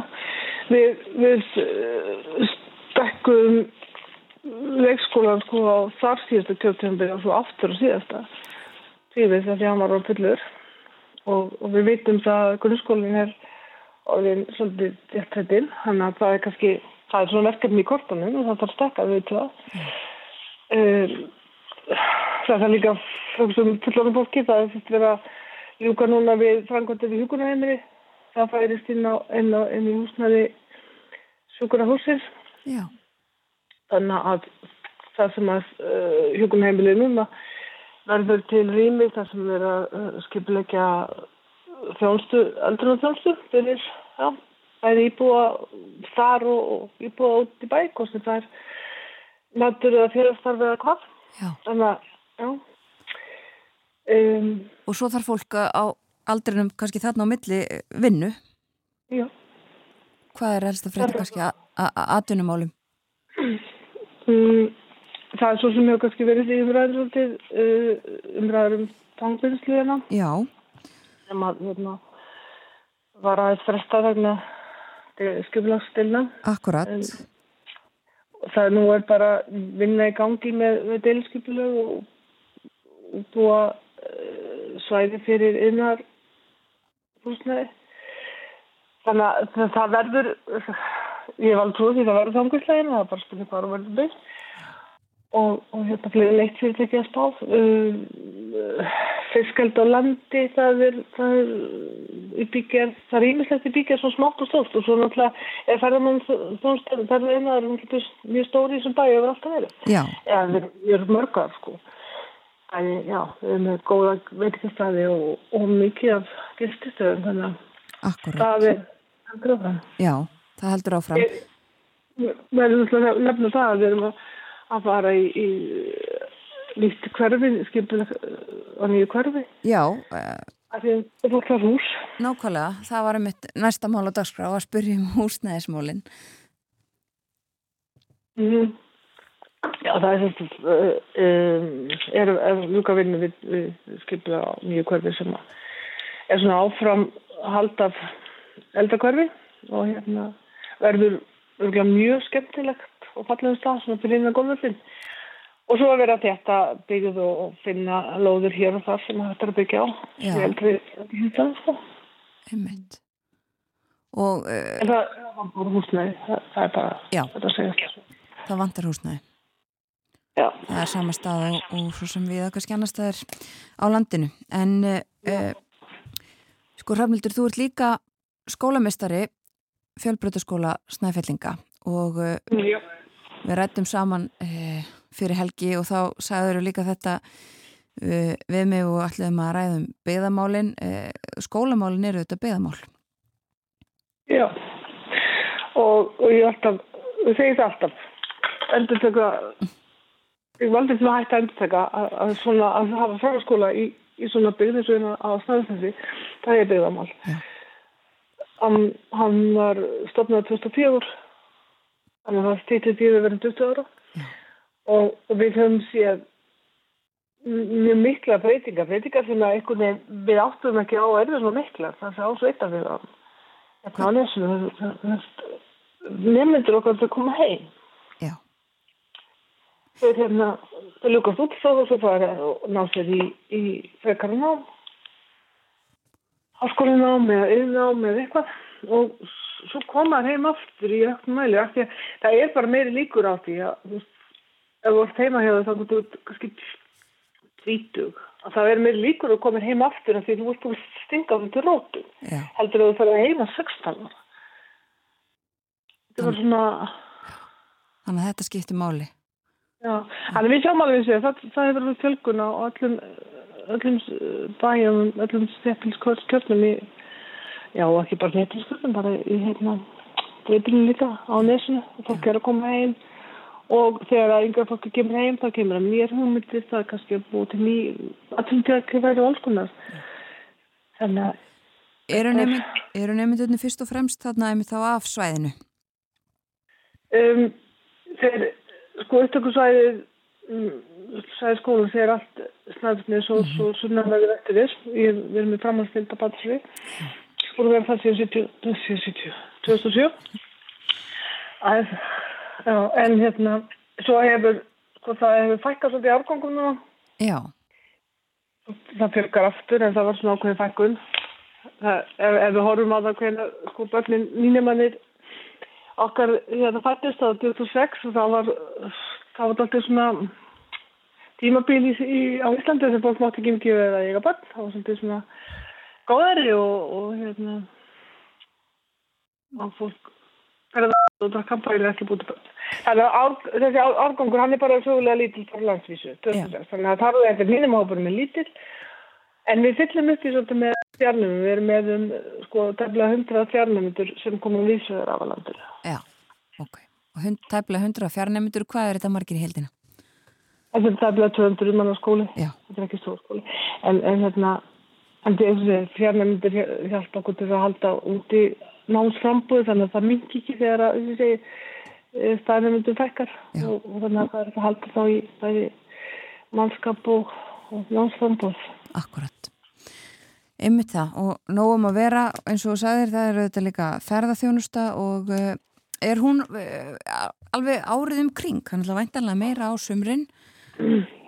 Já, það hefur svolítið breyst. Eh, Hún er orðin mjög mikil að veituna líka. Já. Bara öllu Íslandi. Og hérna, mikið breyst í- Þetta er svona, döðasti tíminn alltaf er desember, januar. Já. En, en það, það er hérna ferðamenn bara alveg langt framundir jól og, og, og, og það, ég veit að þessi hótelið, það, það hefur mjög lítið lokað, það er bara, það er nóg að gera sko, ópum og, en að það er, já, það var alveg mikil breyting á frá því fyrir ekki mjög mörgum orðum sko. Akkurat. Það er líka bara mjög tvistur í þakk. Já, já, einmitt og, hefur styrst. En uh, Hrafnildur, áður en við sleppum þér, við heyrðum í fréttunum hérna eh, áðan, morgunfréttunum að þá er búið að flýta fyrirferð Baldurs og, og heyrðist mér uh, aflýsa þeirri setni. Það er verið að búa stóran hluta landsins undir uh, viðvaranir vond veður. Hvernig er veðri hjá þér og ykkur núna? Er farið að versna? Nei, nei, það er bara blíða. Já. Það er vestalgið fyrir mikið stjóðsum upp á hátti. Og hérna, já, já, en svo fáum við okkur, okkur skerða þessu sjálfsagt svona eitthvað tíðan meðan daginn. Það er búið að vera, eins og hér, hér er svo alveg það, fullt af lægðum og, og leiðindum. Já, full, fullt af lægðum og leiðindum, einmitt. Eh, Já, en nú, nú er bara loknúti og þeirra byrta og, Og janúar að klárast og og janúar að klárast. þetta líður allt saman. Þorrablótum, Já, þorrablótu næstu helgi. Er það fjölsótt? já, ég held að það er búið selja 300 miða. Já. Hmm. Og ekki verið þannig hjá ykkur að- eins og sumstaðar að, að það sé ykkur svona einhverja takmarkanir á því hverjir fjöldum um eh, einhvern tímann um daginn svona, ekki er alveg í tengslu við þorrablótin en svona e, sko, hafa verið haldin einhver hjólamböll eða eitthvað svoleiðis Nei, það, er, það týðkast ekki nei, það er allir velkomnir og, og, og þessu þorrablóti skemmt þessi saman hólmar og helgvellingar og, og brottlutir og, allir. Já. Og hérna, bara hættir hættir til þorrablóta, það er- ekki að skrína af hérna bæjabúum. einmitt, Það er öfnið saman að háðu og spíði. já Það var svona, og þetta er uh, 4. februar sé ég uh, á vefnum hjá okkur, það er á lögadaginn já, og náttúrulega ekki verið þorrablóti í 2-3 ár út af Akkúrat. COVID, þannig að það er allir glæðir að geta komið saman og skemmt sér. já, akkurat Mm. uh, þá segjum við bara góða skemmt Sveitarfélaginu Stikilum. hvað segirðu? Í sveitarfélaginu Stikilum. í sveitarfélaginu Stekisólmi akkurat, kærar þakki fyrir að spjalla við okkur, uh, góða skemmtun um helgina og passið ykkur í vandaverinu eins og fólk annars þar á landinu takk fyrir Já, spjall svo nú. Takk, takk. Nýjastu tíðindi frá Snæfellsnesi. Já, uh, nógum að vera í uh, nýju, uh, nýjum bæ sveitafélaginu Stekisólmi. Ve veðrið í lægi ennþá eins og Rafnildur sað okkur. Já, Rafnildur Hallvarsdóttir er fórseti bæjastjórnar og uh, sömulegis skólamestari fjölbrötaskóla Snæfellinga fór yfir svona það uh, sem er efst á bögi þar og uh, nógum að vera og þetta segja það. Já. En líkur í kvöldu atkvæðagreislinu hjá Eblingu um hvort búða skuli verkfall á sjö hótelum í Reykjavík. Hefur staðið í viku, darum bil. Líku klukkan átt að kvöld allir niðurstaðan leik ekki fyrir skomu síðar. Já, og uh, svolítið fallið í skuggan af þessum uh, öðrum tíðendum á þessu máli síðustu daga, þessi atkvæðagreisla sem þó um þetta svo segir er enn í gangi. Já, eftir að þessi miðluna til að ríkisáta sem er að koma fram. Já, og uh, er hún ekki að fara fyrir hérastómið það er að segja sá hluti hennar sem að snýra þessum afhendingum á kjörskrá. Akkurat. Ebling vildi ekki aðfenda ríkisáta sem að uh, félagatalið og ríkisáta sem í fór með það fyrir hér aðstóm og uh, málið er á dagskrá held ég, já ég sé það í morgunblæðin í dag uh, upp úr klukkan eitt í dag. Það verður áhugavert að sjá hvað kemur út úr þessu. En uh, samþykki Ebling bóðunverkvals og uh, ekki verður búið að skera úr um þessa meiluna tillögu ríkisáta sem er að áður að uh, þá á þetta verkvall að hefjast 7. februar, það er ótímabundið Já. og undir sjö hótelir Reykjavík Og 7. februar er á uh, þriðju dagi næstu viku. Já. Rétt að þinginu, engin þingfundur í dag, uh, það eru þingflokksfundir. Þingflokkarnir koma saman og, og ráða ráðum sínum, ræða þingstörum framöndan líklega og ýmislegt fleira. Já. Og uh, fjárstatur verður meðal annars uh, vinnumála, uh, hvað, hvað heitir þetta, vinnumarkasmála ráþurann, Guðmundur Ingi Guðbrandsson sem að ætlaði nú uppalega í morgun að hitta Solveig Önnu Jónsdóttur forman eflingar en hann þurfti að flýta þörsinni til Kaupanahafnar þar að vera þar á fundi Norrætna samstagsráð þeirra þurfti að flýta uh, út af óæðrinu setnipartin sem að raskar flug áallun og því gæti ekki dorðið að þessum fundi þeirra Solveigar og hann verið sannst ekki að þessum fundi hjá þinglóknum En uh, fréttaefliti kemur hér eftir stuttastund og uh, eftir það þá ætlum við að tala um uh, snóker, biljart. Það er vona á Söri Guðjónssoni söngvara til okkar.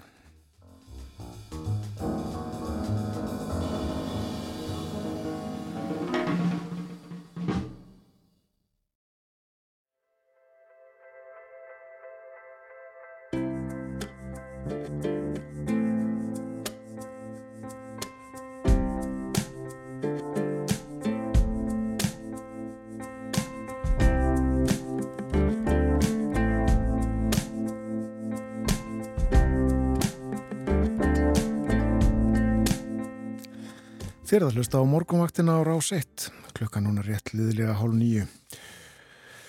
Það farið við veður og þau mál öll sömul hér áðan. Kíkjum kannski betur á það fyrir nýju og eftir en uh, snúum okkar að næsta viðtali. Þannig er að Sverri Guðjónsson söngvari átti afmæli fyrir mánuðinum og af því tilefni átti veðmiðillin mannlíf stutt samtali Sverri og í því kom fram að hann var þá leið til Lunduna og meðal annars til þess að horfa á keppni í snóker. Ég vissi ekki af snóker áhuga Sverris, setti mig í samband við hann og spurði hvort hann væri til í að koma í þáttin og spjalla um þessa gufu íþrótt sem að lengi var stundu hér á, í, í, í, á reikfylltum eh, ljóslittlum búlum en setna á kannski loksins á svona betri stofum með ljómandi loftgæðum og lýsingu og Sverri var til í það og hann er komin til okkar, velkomin og góðan dag. Þakkar. Egu að byrja allra fyrst á því Sverrir að, að fara með þér ungum inn á billan við klappastík sem að margir mun eftir. Já, ég verði eiginlega að fara kannski aðeins aftar vegna þess að e, áttar gammal þá flutti ég inn í það sem við köllum vaðnestringin. Það var e, lítil vestlun þarna upp á hotni lögavegs og klappastíks sem hétt vaðnes og við fengum stundum að hjálpa til þar að stapla upp kassum og fá einhvern vasapenning í staðin eða súklaðistikki og, um, það, og það myndaðist mjög skemmtileg stemning hérna innan hópsins og fjölbreytur hópur. En síðan fengum við áhuga á að skoða betur billan á klappastígu sem var þarna bara inn í vanesingnum og uh, við ákvaðum að reyna að smikla okkur inn, við vorum alltaf undir aldri 14-15 ára gamlir sko. Og það var möguleiki að koma sér inn um glugga á neðri hæðinni sem var þá kjallarinn. Þar voru borð og uh, uppi voru borð líka. Og þar voru eigendurnir. Þetta var svona meðan dag yfirleitt og við gáttum þá að koma okkur þarna inn og spilað þanga til einhver greip okkur, það var yfirleitt þannig við glemdum okkur algjörlega. Einn átt að passa hjálpstíga sem var svona ringstígi á milli hæða og uh, tók ekkit eftir því að það var komin þarna eigandi sem greip okkur glóðvolka en oft þá hlupum við bara út, það var hægt að hlaup út bakdera meginn við letum okkur hverfa en það var aldrei neitt gert í þessu. Þeir sáu fram á það að við vorum framtíðar spilarar en það reyndist að vera. Já, já, en það var aldurstakmark þetta var ekki íþrótt fyrir krakka Nei, en við gáttum sótt bilan frá 16 ára aldri. Það, það voru ekki vinnveitingar aðna en það voru flestir með eitthvað í vasanum af, af þeim sem að voru eldri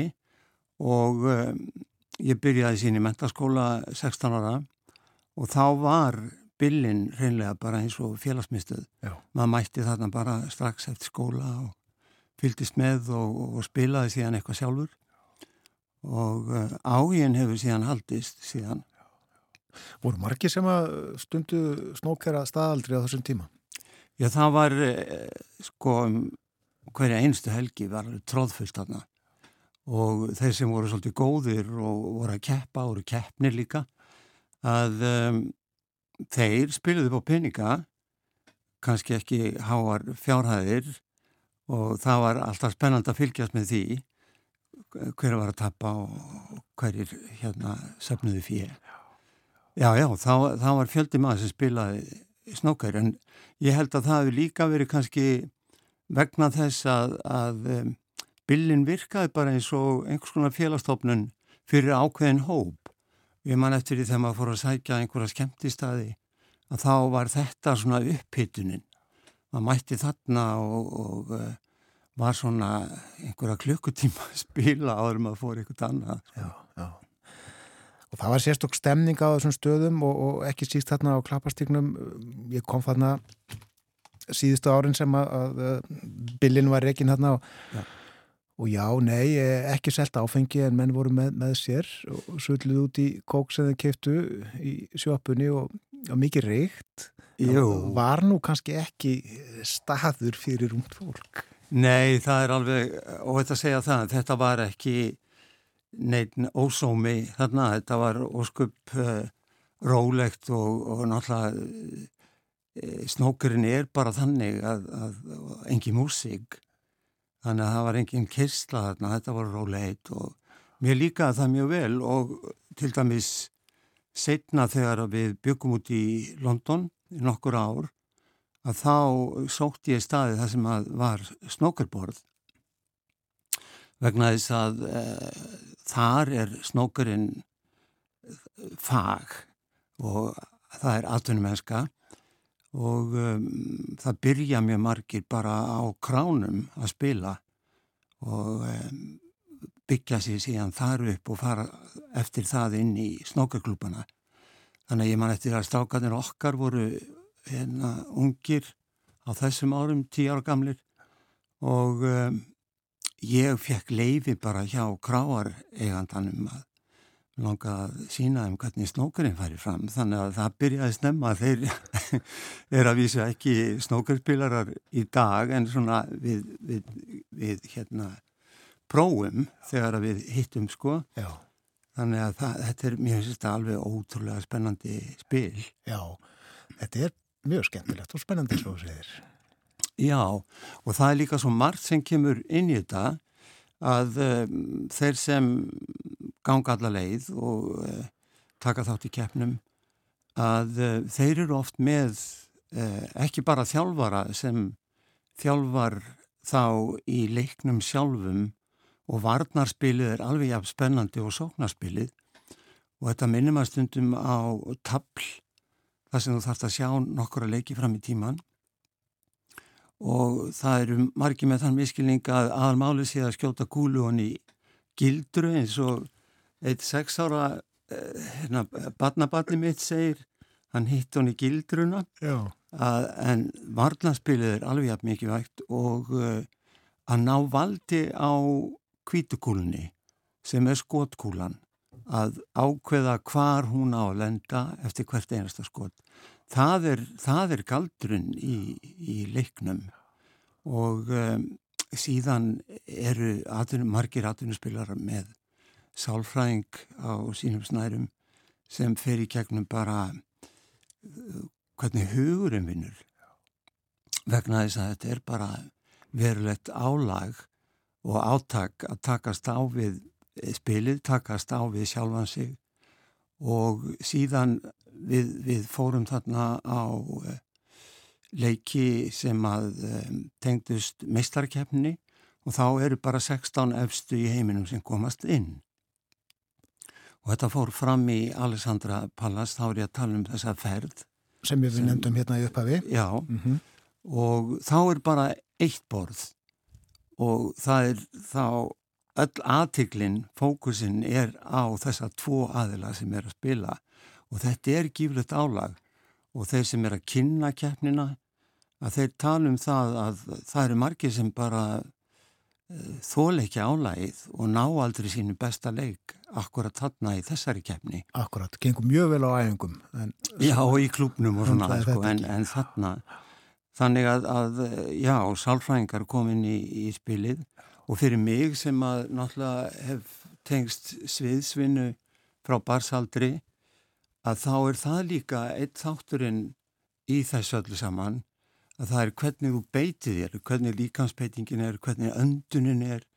Og ég hef um, oft sko skoðað það mjög nákvæmlega þegar ég fylgist með svona keppnum bara í gennum sjómar það er hvernig þú situr og býður eftir næsta leik. Ef þú missir öndun þar að þá missur þú orku og kraft og þú nærð ekki þínu besta spili. Og til dæmis leikmaður sem ég hef haldið mikið upp á alveg frá því að ég tók fyrst eftir honum þá var hann mjög ungur. Mark Allen heitir hann frá Norður Írlandi og uh, ég var svolítið svektur uh, að því að það tók hann svo langan tíma að virkilega fara í fremsturöð en ég, ég held alltaf með honum alveg frá upphafi en ég tók eftir því að, að það var ákveði vandamál hjá honum þessi byggð og þá, þá er það bara karakterina, personan, hvernig hún er. Ef hún er mjög hröð, þá nennir ekki að býða og missir áhugan. Og það er alls konar svona hlutir og til dæmis Ronny O'Sullivan sem er talinleitt besti spilari allra tíma, að hann er mjög hraður, hann hugsa hratt og hann spila hratt og er mjög spennandi leikmaður að hann þurfti að vinna mikið með þetta og hefur starfað með e, sálfrængi í mörg, mörg ár. Svo leipur hann marathón þar að ekki, sko, til þess að halda upp við þrekki. Hann gerir það? Já, já, já. Þannig að það er svo marg sem kemur inn í það að spila snóker og það er alveg rétt hjá þeir eins og þetta var hérna á bílanum þá var það ekki eðlilegt hvað hvað menn reyktu mikið og, og hérna það lækkaði rætt í pelanum í vasanum og svona en þetta er allt annað mál þetta er komið út í atvinnumessku Alvöru íþróttamenn Já, algjörlega, algjörlega. Ferum aftur aftur í tíman sko, voru einhverjir þjálfarir eða kennarar á þessum tíma einhverjir sem að veittu liðs?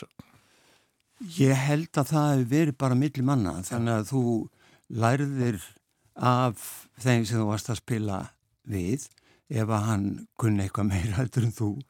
Og síðan skoðaði maður bara hvernig menn beittu sér og uh, það skiptir máli hvernig þú heldur á kjúðanum til dæmis. Uh, hversu langt þú dregur kjúðan tilbaka áður en skotir íður af og alls konar svona hlutir og ég um, horfið á Steve Davis sem að var náttúrulega í mikluubaldi og vann allar keppnir á sínum tíma. Að hann var að tala um að þegar þú dregur kjöðan tilbaka og þú ert að undirbúa skotið þá kemur ákveðið stopp eða hig á því þú snýr stefninu við og ferði skotið.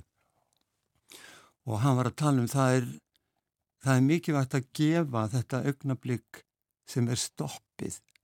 Það er eins og öndunin þú dregur tilbaka það er örstuðt stopp áður en skotir rýður af.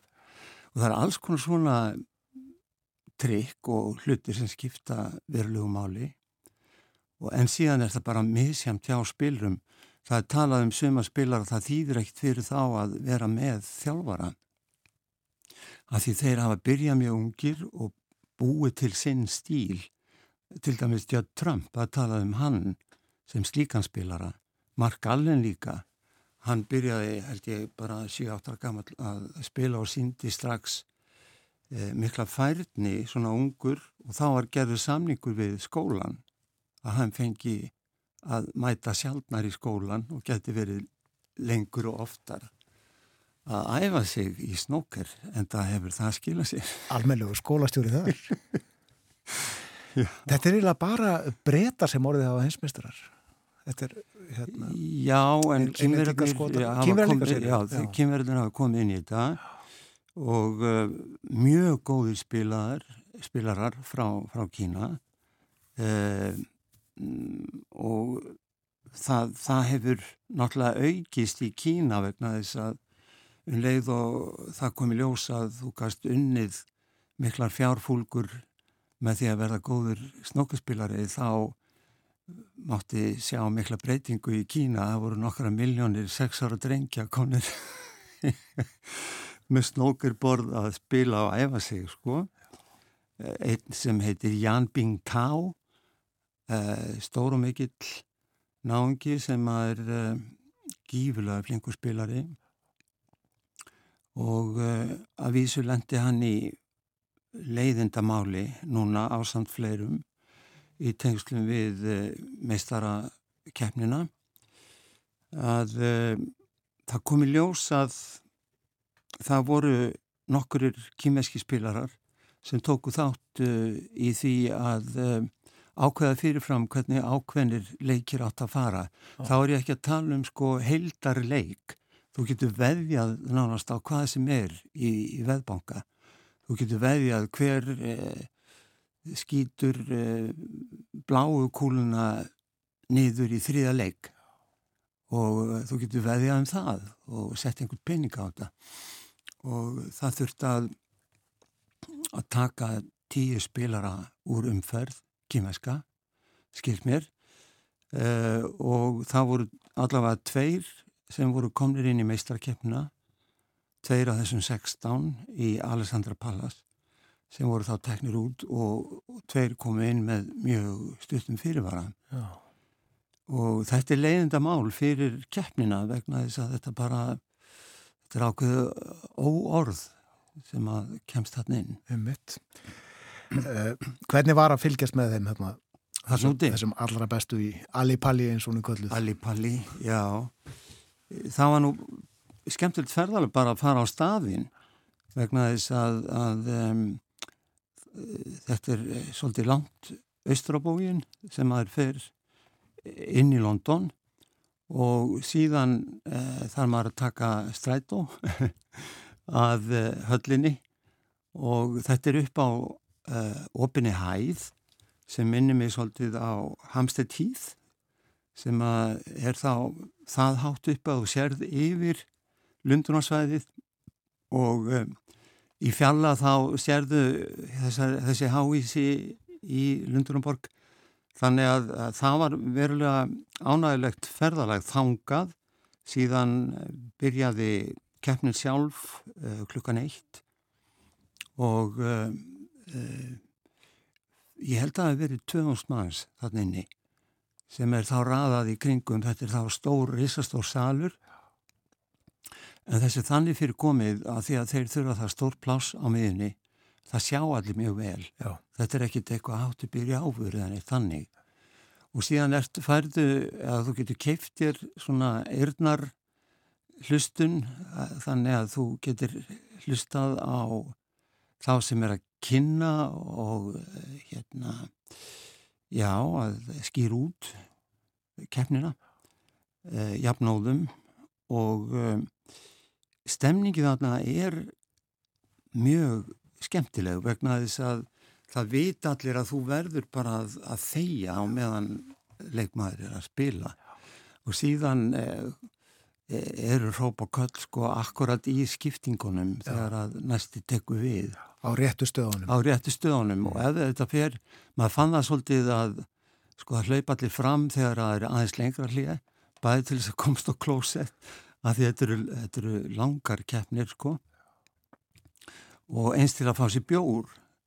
Og, uh, og þá eru klósettverðinar mjög mikil, mikilvægar. Og um, það, það svona jógst spennan og stemningin eftir því sem áleið sko. Ég man við vorum að horfa á Judd Trump og uh, Barry Hawkins spila sem var mjög spennandi keppni við spiliði fjóra, fjóra og halvan tíma langur leikur. Og, uh, og þá eru mennfannir að rópa aðeins meira. Já. og þá, eh, það eina sem dómarinn gerir, hann bara liftir sínum hvíta hanska og það þetta er allt í dúna logg sko, þannig að það er bara virt. Það er, það er engar fókbóltabullur þarna sko. allt eins og það á að vera. Algjörlega Ronny og Sullivan er hinsmeistari núna og hann er mögulega besti snokkarspilari sem að framhauðu komið og hafaði nú verið margir góðið í gegnum árin.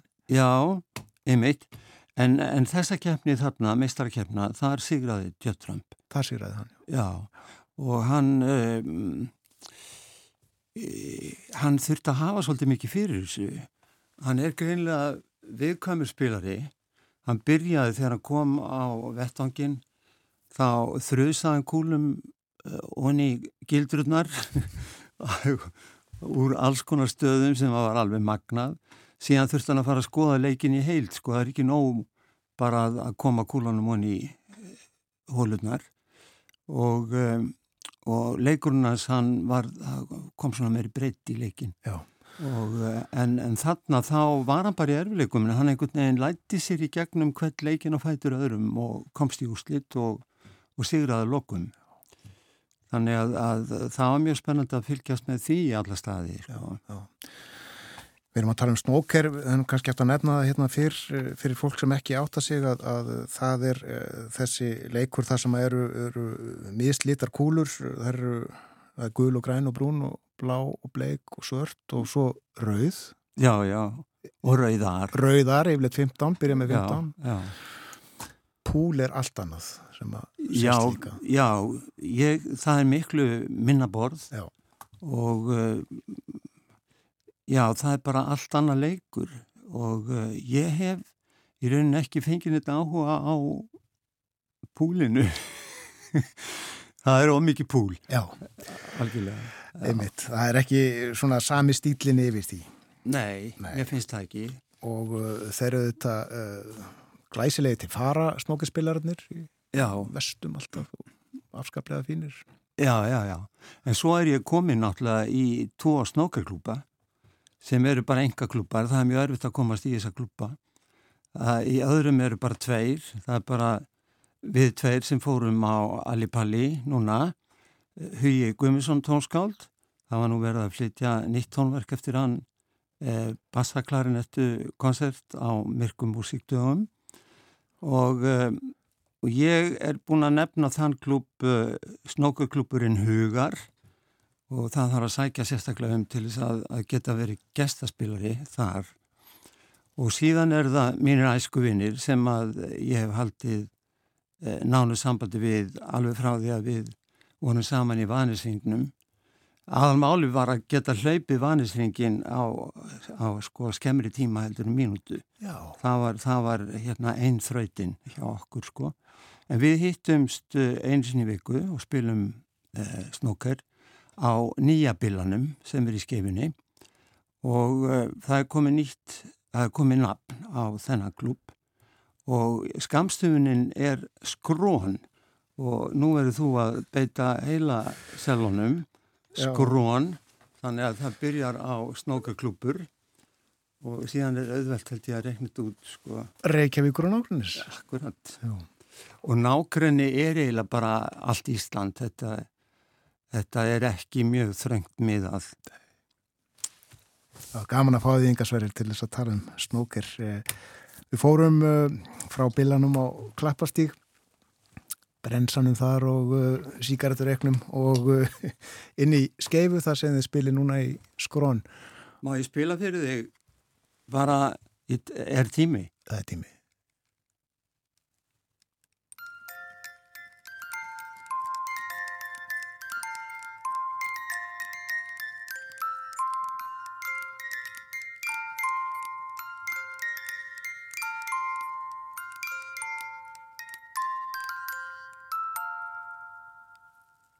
Sverrir dróð hér upp spiladós úr vasa sínum. Þetta er til heiðis við valdín alltaf. Sjálfsögðu. Takk fyrir komina.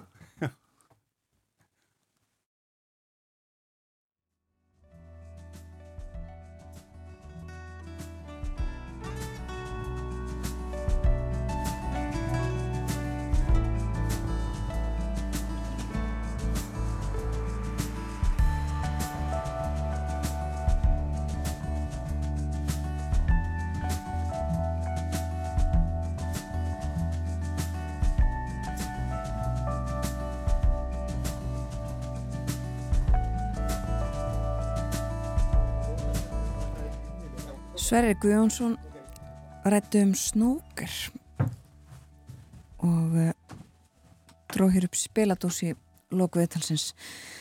Það verða síðustu tónarnir á morgunvaktinni í dag fyrir utan þetta stef sem við heyrum hér undir. Já. Við rættum líka um uh, Allandsafsbandalagið fyrir morgun. Baldur Þóraldsson var með okkur og uh, fór yfir þau mál. Við vorum að ræða svona sérstaklega um Tyrkland og um aðildar umsóknir svíja og finna. Og svo fóru við niðumst við þarna á meðli um stöðumála í uh, nýju sveitafélagi sveitafélaginu Stikkishólmi Rafnildur Hallvarsdóttir skólameistari og uh, fórseti bæjastjórnar þar var með okkur. Það er ágættis veður víðast hvora landinu enn sem komið er en þið sem voruð að vakna og hafið ekki hýrt uh, veðurhorfurnar, látið ekki blekkjast það er vona bara vittlusu veðri á stórun hlutalansins setna í dag. Já, uh, fyrsta viðvörun tekur gildi klukkan 11 og það á Suðurlandi. Þar verður veðrið uh, verst á Suðurlandi og Suðusturlandi. Svona uh, kvassast þar en það verður kvast, mjög kvast víðast hvaramlandið. Það er á, eru átján til já, 28 metrar á sekundu í kortunum viða. Austanátt og fyrir að snjóa sunnan til á landinu. Það er svo að kallt, kvast og snjókoma. Já. Ekkert ferðaveður heitir þetta. Emitt uh, viðbúið að vegir verði ófærir. Við hefum að komast í vinnina í fyrirmálið þegar ekki þúrun? Jú, uh, þessari viðvörun sem er í, á höfuborgarsvæðinu um, hún, já, henni líkur klukkan þrjú í, í nótt en aðrar viðvaranir hins vegar í gildi lengur uh, svo síðasta úr gildi held ég klukkan tvö á morgun það er þetta að skoða þetta allt saman. Náið á vef veðustofunar og færðina hjá vegagerðinni. Og við þakkum fyrir okkur í dag, þakkum samfélgina og verðum hér aftur í fyrirmálið. Verðið sæl